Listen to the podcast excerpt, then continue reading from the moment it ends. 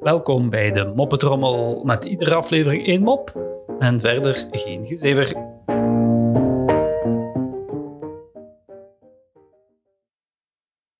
Belg komt met zijn vrachtwagen een Nederlander tegen die voor de brug stilstaat. De Belg stapt uit en vraagt: "Ehm, Kerel, wat is er hier aan de hand? Nou, zegt de Nederlander, ik pas net niet onder de brug door. Het scheelt nogthans maar één centimeter. Nou, zegt de Belg, dan laat je toch wat lucht uit de banden lopen, dan zakt de vrachtwagen. Haha, zegt de Nederlander, jij bent ook de slimste thuis. Het probleem zit niet van onder, maar van boven.